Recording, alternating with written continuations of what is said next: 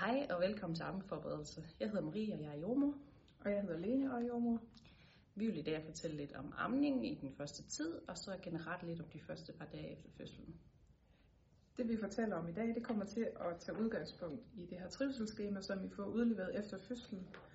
Og så i den her ammebog, som I også får udleveret i jordmorcentret, når I er til jordmorkonsultation. Vi håber, I kan bruge det undervisning, vi kommer med i dag til noget, og hvis I har nogle spørgsmål, så tag fat i personale både på fødegangen, i konsultationen eller på barselsgangen, hvis I ryger derover. Når du har født, så kommer dig og din partner over i vores hvileseng og lig, hvor I får fred og ro. Så ofte så går jordmoren lidt ud og forlader stuen og giver jer lidt ro og fred, så I kan få lov at finde ud af at fordøje, hvad det er, der lige er sket, og I er lige blevet forældre. I får tilbudt lidt mad og drikke, øhm, og løbende vil jordmoren så komme ind og ligesom tage vurderinger om alt går godt, hvis I har behov for det, hjælper hun gerne med amning, og hun tjekker også, at blødningen er okay, og at livmoderen trækker sig ordentligt sammen. Efter cirka to timer, så vil øh, jordmoren igen øh, foretage en undersøgelse, og dengang er det af barnet, hvor man vil gå i gang med det, vi kalder en børneundersøgelse. Her måler og vejer vi barnet, øh, og vi tjekker det sådan fra top til tå, kan man sige, og gennemgår reflekser, og så tjekker for hofteskred.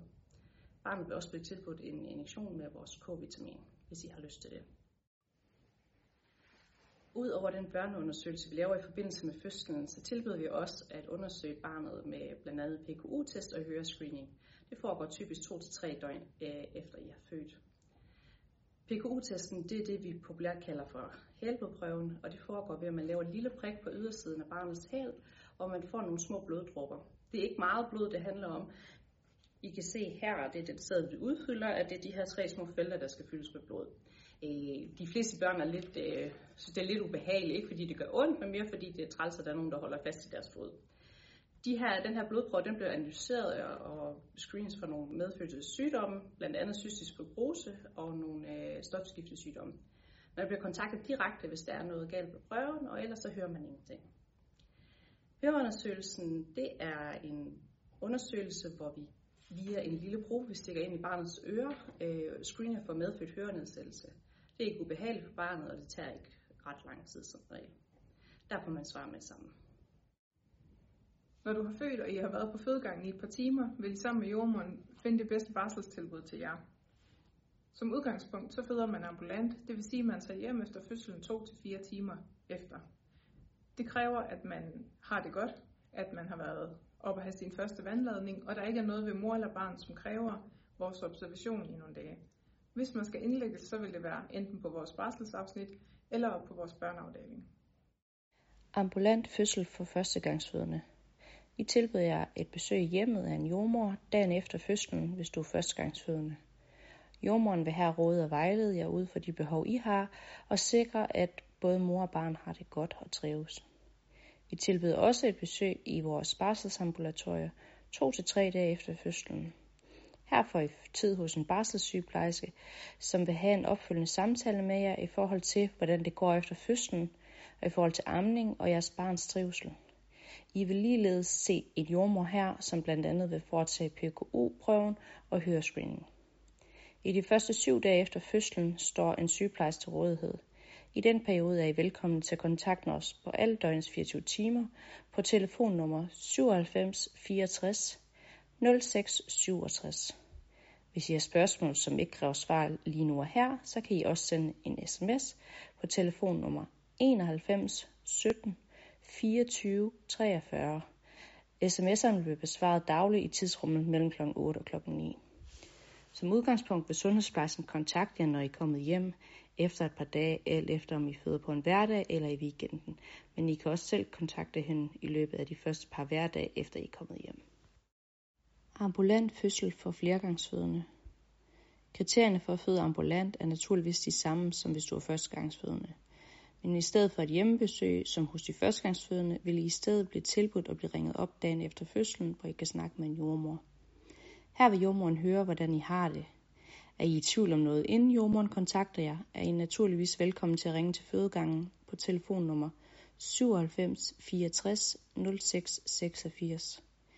I tilbydes naturligvis også på anden til tredje dagen et besøg i vores barselsambulatorie, hvor en jordmor vil foretage PKU-test og hørescreening af jeres nyfødte. samt generelt vil tale med jer om, hvordan jeres velbefindende er her efter fødslen.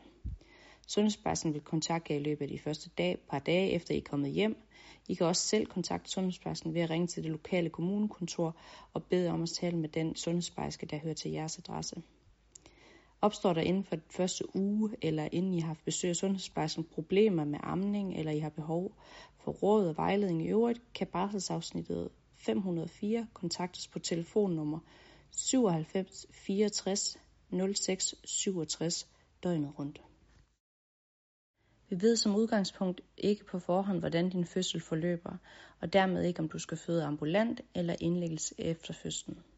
Derfor er det altid en god idé at have pakket en taske hjemmefra, hvis I ender med at blive indlagt. Når du pakker tasken, som du skal have med til fødslen, skal du være opmærksom på, at I selv skal medbringe følgende ting til barselsopholdet. Tøj til både mor og barn, toiletsager, som hvis du skulle på overnatning på hotel, bind, babydyne, blæer, engangsklude eller vådservietter til den lille og stofblæer. Amningens fire hovedbudskaber. I forhold til amning de første dage efter fødslen er de vigtigste råd disse fire. 1. Ha' tæt kontakt med barnet, hud mod hud. 2. Læg barnet til, når det viser tegn, gerne mindst 8 gange i døgnet. 3. Sørg for at placere dig godt og læg barnet til brystet, så det ikke går ondt, når barnet sutter. Og 4. Gør amningen til en fælles forældreopgave. Inde i maven, der har jeres barn fået øh, næringsstoffer og mad, kan man kalde det, gennem øh, navlestrengen. Øh, barnet fik de her næringsstoffer leveret direkte gennem øh, navlestrengen i en lindstrøm, og der var ikke noget med, at man skulle arbejde for føden. Når jeg er født, så er barnet kommet ud i en helt ny verden. Der er så mange nye ting, man skal tage stilling til, og, øh, og man skal rent faktisk til at arbejde efter den her føde. Det er en stor omstillingsproces, og nogle nyfødte de er lidt længere øh, om den her omstilling end andre. Øh, heldigvis så er det sådan, at børnene de fødes med det, vi kalder en madpakke. Det er egentlig små depoter af fedt og sukkerstoffer lavet forskellige steder i kroppen. Øh, det er smart, fordi som mor, så har man ikke særlig meget mælk lige når man føder. Det er den mælk, der hedder råmælken, og det er mere sådan i dråbeform, end det er i lindstrøm. Men barnet kan sagtens klare sig med den her mælk, så man skal ikke være bange for, at man har for lidt. Der er, det er så rigt, næringsrigt, at øh, barnet får alt det, det har behov for. Øh, og det kan samtidig tære på sine depoter. Øh, man forventer, at de fleste børn taber sig en lille smule efter fødslen, og det er blandt andet i den her forbindelse. Selvfølgelig skal de ikke tabe sig for meget, og det skal vi nok være meget opmærksom på. Øh, barnet skal finde ud af at arbejde for føden, og det betyder, at det får ikke med i en lindstrøm som ind i øh, livmoderen, men det skal arbejde for den her føde ved at sutte ved brystet. Jo oftere og jo længere barnet ligger ved brystet, det kan også eventuelt bare være ved hud hud, jo hurtigere kommer mælken, øh, jo løber den rigtige mælk til, og ikke bare råmælken. Derfor er det super vigtigt, at I ligger hud mod hud, og I ligger barnets brystet så ofte, som den lille viser sig til. Når man er nybagt forælder, så kan det være lidt svært øh, at se på barnet, hvornår det er, det viser de her tegn til at være sultelysten. I kender jo ikke barnet, men det er det, vi skal fokusere rigtig meget på, at I kommer til det er vigtigt, at man opdager de her små tegn, øh, de tidlige tegn, som vi kalder det på, at barnet er sultelysten. Det kan I opnå meget bedre, jo mere at øh, I er sammen med barnet. Jo mere I er hud mod hud, og jo tættere I er, vil I hurtigere komme til at få den her fornemmelse af at kende barnets tegn på sult. Jeg vil gennemgå de forskellige tegn på sult, som I kan se, hvor vi sådan starter med de tidlige tegn og slutter med de sene. Øh, og det er langt nemmere at få etableret en amning, hvis man øh, hopper på øh, allerede, når barnet udviser de tidlige tegn. Det nyfødte barn kan udvise mange forskellige tegn på, at det vil sutte. Der findes nogle tidlige tegn, nogle tegn midt imellem og nogle sene tegn. De tidlige tegn vil være suttebevægelser med mund og tunge, bevægelser af arme og ben, søgen efter brystet, fingrene i munden. Tegnene midt imellem vil være uro hos den lille og klønkelyde, uro og en generel gråd indimellem. De sene tegn er, at barnet græder hele tiden, bevæger hele kroppen og bliver helt rød i ansigtet. Til sidst vil barnet blive helt udmattet og falde i søvn. Der er flere undersøgelser, der viser, at øh, man kan få etableret en velfungerende amning og øh, ammer i længere tid, hvis mor og barn har uforstyrret kontakt lige efter fødslen. Øhm, det er sådan, at børnene er født med en medfødt evne, hvis man ligger dem på brystet, til at kravle op til brystet og tage fat om brystet. Derfor er det vigtigt, at man ikke rører en hel masse med sine børn og ikke bærer dem rundt omkring. Det er klart, hvis det er nødvendigt at skille mor og barn af efter fødslen, jamen så kan far jo sagtens være den, der sidder med barnet og giver den den her tryghed og ro. Øh, hud med hudkontakt er super god til at øh, regulere børnenes kropstemperatur. De er faktisk ikke særlig gode til at regulere det selv, lige når de bliver født og den første tid. Så derfor er hud med hudkontakt super godt i forhold til at give dem den her varme, som vi andre sammen har i kroppen. Det er sådan, når mælken løber til hos mor, jamen, så bliver brystet rent faktisk også varmere end resten af kroppen. Øhm, tilknytningsmæssigt, så er det også super fint, hvis partneren ligger med barnet. Det hjælper selvfølgelig ikke særlig meget på amningen, men det er rigtig vigtigt, at man får den der kontakt, hvor man øh, koncentrerer sig fuldstændig om sit barn, og man bare er i et med barnet. Det nyfødte barns vej til brystet deles op i ni trin. Først vil barnet græde efter fødslen. Dernæst vil det slappe af. Det vil stille begynde at røre på sig med hovedbevægelser, mund- og suttebevægelser. Så bliver det vågen, der aktivt, ser på brystet og på moren, søger og tager sin hånd til munden og laver små lyde. Så er det normalt, at barnet slapper lidt af igen. Herefter vil vi begynde at lave kravlebevægelser med arme og ben. Det vil begynde at gøre sig bekendt med brystet, bruger hånd og mund og slikker måske på brystet. Dernæst tager det fast om brystet og giver slip igen nogle gange, men tager fat igen og sutter endelig for en stund. Til sidst vil det falde i søvn efter at have suttet lidt. Hud med hudkontakt har som sagt stor betydning for etablering af amningen, men det har også rigtig mange andre fordele, som vi kom ind på før.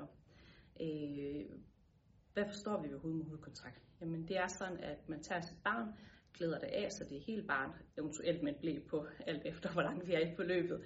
Øh, og så ligger det ind mod sit nøgenbryst, helt tæt, hud mod hud. Det kan både være hos mor, og det kan også være hos partneren. En dyne over, så I har det dejligt varmt. Hud med hudkontakt det er med til at gøre rigtig mange gode ting for barnet. Som jeg sagde før, så kan det regulere temperaturen, men det gør også, at barnet det sparer sine depoter i forhold til blodsukker, så det er med til at stabilisere det. Og det, øh, hvad hedder det, det er jo sådan, at barnet kommer inden for det her trygt miljø inde i livmoren, hvor der er varmt og vådt, og altså, det er helt beskyttet, og man kommer ud i en verden, hvor det er koldt, der er lyst, der er mange lyde, man lige pludselig skal forholde sig til helt tæt på, jamen der kan det være rigtig beroligende for barnet at komme helt tæt på og kan høre hjerteslag, hvad end, om det er fra mor eller fra partneren. Det vigtigste for at få amningen godt op at køre, det er både sutteteknik ved barnet, men noget andet, der er vigtigt, det er også ammestillingen. Og her kan man egentlig gøre på rigtig mange forskellige måder. De fleste de bruger den klassiske stilling, fordi det er det, vi typisk ser mange steder. Men man kan også amme liggende og have barnet på forskellige måder. Det viser vi nogle billeder af senere, så I kan se, hvad de forskellige ammestillinger de hedder. Det, der er vigtigt, det er også, når du ammer, hvordan dit barn det ligger. At det er vigtigt, at det er næsetippen, der er ude for din brystvort, og at barnet har maven mod din mave, sådan så at barnet har en lige nak, og det, at ryggen den går lige, sådan så at barnet ikke skal ligge og kigge til siden, fordi så bliver det sværere at sluge den mælk, der kommer ud. Når du ammer, så er det også vigtigt, at du tænker på, at du skal være tilpasset din krop. Det er vigtigt, at du ikke føler, at du sidder eller ligger og spænder et sted i kroppen. Mange, der skal amme, de får nemt fornemmelsen af, at de kommer til at sidde sådan her, og på den måde så får man nemt spændinger i nakke og skuldre, og mælken har også svært ved at løbe til. Ydermere så er det også vigtigt, at I kigger på, at barnet ikke sutter skævt, altså at, øh, at det har hele brystet ind i munden, og ikke ligger og trækker i din brystvort. Fordi det gør, at du vil få smerter. Kun fantasien sætter grænser for, hvilke armestillinger du kan anvende. Det vigtigste er, at du sammen med dit barn finder en eller flere stillinger, hvor I du slapper af, og der er gode betingelser for, at barnet kan anvende en god sutteteknik. Laid back breastfeeding. Her ligger moren tilbagelænet med kroppen godt støttet, så hun slapper af, specielt i nakke og skuldre. Barnet placeres oven på moren, mave mod mave, på tværs, langs skråt eller hvad I har god erfaring med. På grund af tyngdekraften vil barnet ligge helt tættere på moren, og trækket i brystvorten og barnets sutter er derfor minimalt. Den tilbagelænede armestilling kan stimulere de neonatale reflekser, som udløses, når barnet tager fat om brystet, hvorved amningen faciliteres. I praksis kan disse reflekser stimuleres ved, at moren blandt andet sørger for, at barnets fodsåler har et fast underlag, eksempelvis ved støtte med hænderne under dem, eller at barnet griber om hendes finger under amningen. Den klassiske armestilling. Her ligger barnet på tværs hen over morens mave med hovedet hvilende på hendes underarm.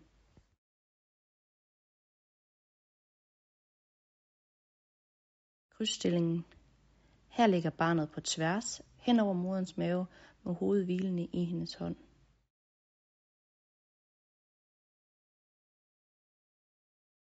Tvillingstillingen.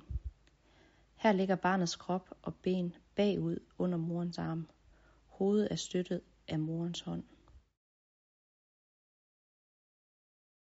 Der findes også liggende armestillinger. En liggende armestilling giver god mulighed for, at moren kan hvile under amningen, hvilken gør den særlig ideel at anvende om natten. I den liggende stilling ligger moren på siden med en pude under hovedet. Den underste arm kan være bøjet op under hovedet, mens den øverste arm kan ligge parallelt med kroppen eller bruges til at støtte barnet. Barnet ligger på siden med front mod moren helt tæt ind til hende. Når du har fået dig placeret i en afslappende armestilling, skal du nu have fokus på barnets sutteteknik. Det kan være svært at vurdere, om barnet har godt fat, men du vil kunne mærke, om det føles rigtigt og ikke gør ondt. Når barnet tager godt fat, vil munden være åben på vid gab, ligesom hvis man skulle gabe over en burger. Læberne vil være kringet ud af.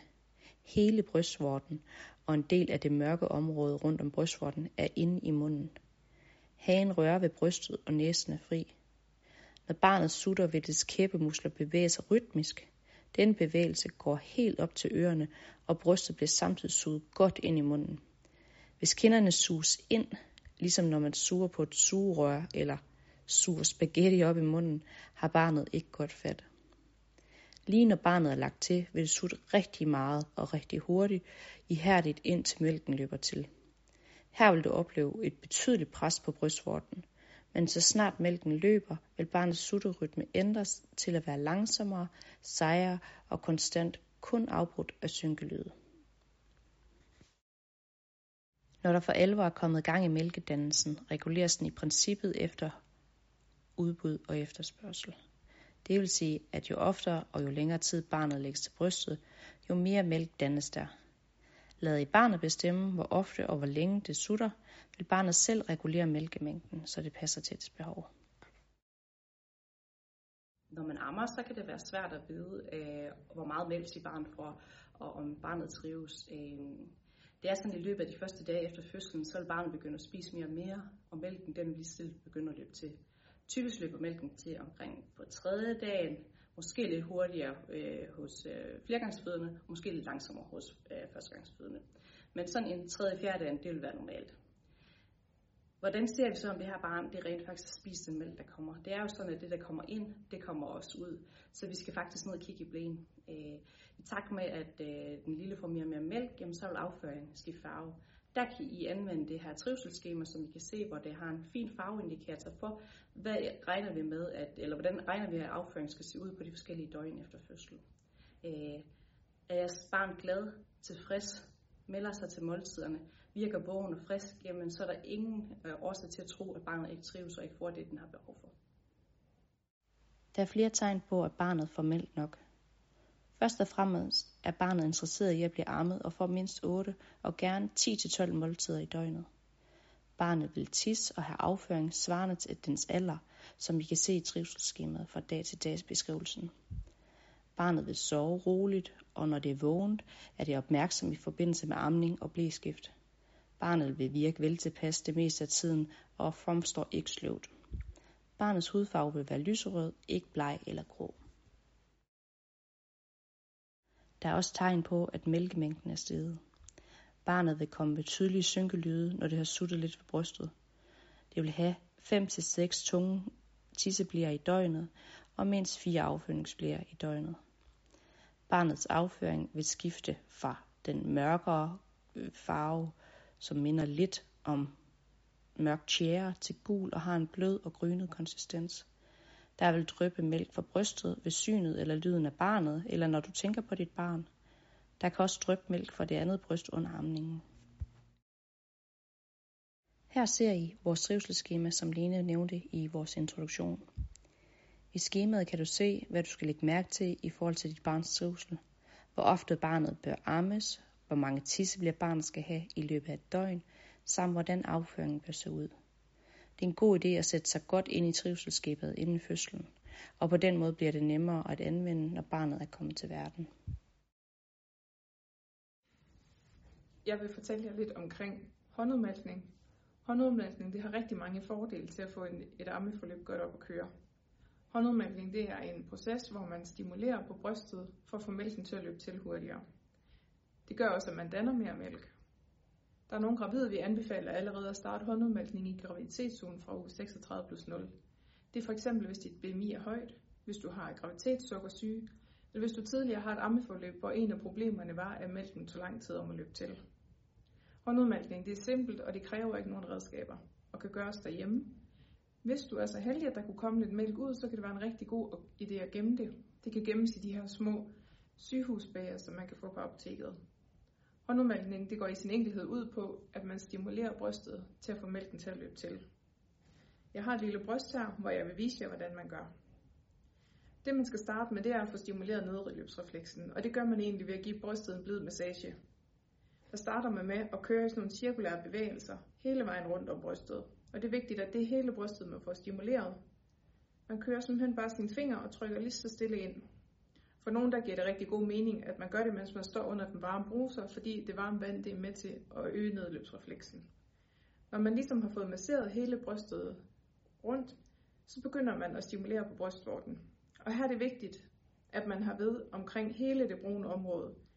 Nogle de synes, det er nemmest at gøre sådan her med fingrene, hvor andre de synes, at den her, den er nemmere. Det man så egentlig gør, det er, at man tager ved omkring det brune område her, og så lige så stille presser ned mod brystvorten. Man skal ikke hive i brystet, og man skal ligesom ikke have fat helt herop og stå og trykke lige så stille. Man skal helt herned, hvor man så ligesom kan stimulere til, at mælken det kommer stille og roligt frem mod brystvorten. Som sagt vil nogle af jer opleve, at der kan komme lidt af det, vi kalder råmælk ud, hvor andre ikke oplever det. Og det betyder ikke, at man gør noget forkert, eller at man ikke kan den mælk. Det er simpelthen bare forskelligt fra kvinde til kvinde, hvor hurtigt nedløbsrefleksen den kommer i gang. Det er meget normalt, at nyfødte de kan blive lidt gule i huden. De kan se sådan meget solbrændte ud, øhm, og det kan udvikle sig til det, der hedder guldsot. Guldsot det får de, fordi at de ophober affaldsstoffer i kroppen, som ikke bliver udskilt. Hvis barnet sutter effektivt, er vågen og melder sig til måltiderne og øh, har de normale tisseblære og afføringsblære, den skal have, så det er ikke noget, der har nogen betydning. Men hvis I oplever, at jeres barn begynder at blive sløvt og sove meget, øh, og at I ligesom skal vække den for at, øh, og melde sig til måltiderne, så er det vigtigt, at I kontakter barselsgangen, hvis det sker inden for de første syv dage. Hvis I kommer hjem og oplever allerede inden for det første døgn, at barnet øh, virker meget gul og sløv, så er det vigtigt, at I kontakter os med det samme. Når du som partner og nybagt forælder, så kan det være svært helt at finde din rolle i det. Noget af det, du kan gøre, det er at være med til at pusle om barnet, være med til at bade barnet. sørge for, at, øh, at din kæreste eller kone sidder i en behagelig stilling, når hun ammer.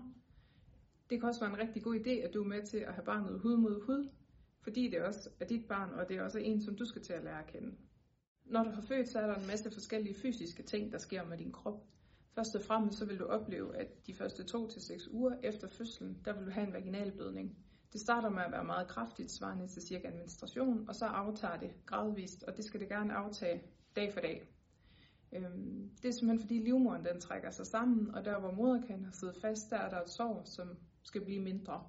Og til sidst så lukker det helt, og blødningen den vil aftage. Når livmoderen den trækker sig sammen, så kan du opleve det, der hedder eftervejer, og der kan man tage noget smertestillende, både i form, øh, i form af panodil, men også i form af ibumetin, for ligesom at få muskulaturen til at slappe lidt bedre af. Der sker også rigtig mange ting følelsesmæssigt, når nu man har født, både for dig, der har født, og din partner. Følelserne kommer til at sidde lidt mere ude på tøjet, og det er både fordi, at man måske har været vågen mange timer. Det har været meget overvældende at være med til at skulle have sit barn til verden, og samtidig også stå som partner ved siden af. Det kan være, at man har været vågen en hel nat, og så først føder hen om morgenen. Øhm, så vil man bare være rigtig træt, og bare det kan gøre, at ens overskud er lidt anderledes, end man er vant til. Så har man også lige fået et barn, man skal til at tage sig af, lære hvordan den lille den er, og finde ud af, hvilke behov der er der. Og det kan også være rigtig, rigtig svært, og mange kan opleve, at man de første dage er meget følsom i både hvordan man tænker og ser verden, men også hvordan man lige får snakket med hinanden. Det, der kan være en god idé for ligesom at få den ro og hvile, der skal til efter, øh, efter fødslen, det er for eksempel at begrænse gæster. Snak om her i graviditeten, hvad der egentlig giver mening for jer. Har I brug for at sætte nogle bestemte tidspunkter på, hvornår der må komme gæster? Har I brug for at få lavet en rækkefølge i, hvem skal komme den første tid, og hvem kan vente til lidt senere? Husk, at det er jeres behov, og det er jeres barns behov, der skal komme i første række her. Så kan gæsterne altid komme. Det er jer, der skal til at være forældre, og det er jer, der skal finde ud af, hvad det er for et barn, I har fået med jer hjem, og finde ud af, hvilke rutiner, der giver mening for jer. Nu er vi gået igennem lidt omkring, hvordan den første tid efter fødslen er, og hvordan en ammeproces den kan være. Det er sådan, at der er rigtig mange forskellige emner om amning, vi ikke har berørt. Øh, vi har taget udgangspunkt i det, der er normalt. Men inde på vores hjemmeside, øh, Barselsgangens hjemmeside, der kan man gå ind og finde det, der hedder amning A til Å, hvor der er rigtig mange forskellige emner, I kan få svar på. For eksempel, hvad gør jeg, hvis jeg får brystspænding, eller brystbetændelse, eller svamp, eller hvor tit skal mit barn øh, spise, og det ene og det andet. Så orienter jer gerne derinde, hvis I har brug for yderligere, og ellers så spørger I selvfølgelig øh, på fødegang og på barselsgang, når I kommer her. Det er sådan, at når I tager hjem, enten fra fødegangen eller fra barselsgangen, så er det jo sundhedsplejersken, der tager så over, og de har også rigtig meget viden og erfaring omkring amning. Og hvis der skulle opstå nogle problemer i jeres ammeforløb, så er det vigtigt, at I altid rådfører jer med hende først. Tusind tak, fordi I så med. Vi håber, I kan bruge det til noget.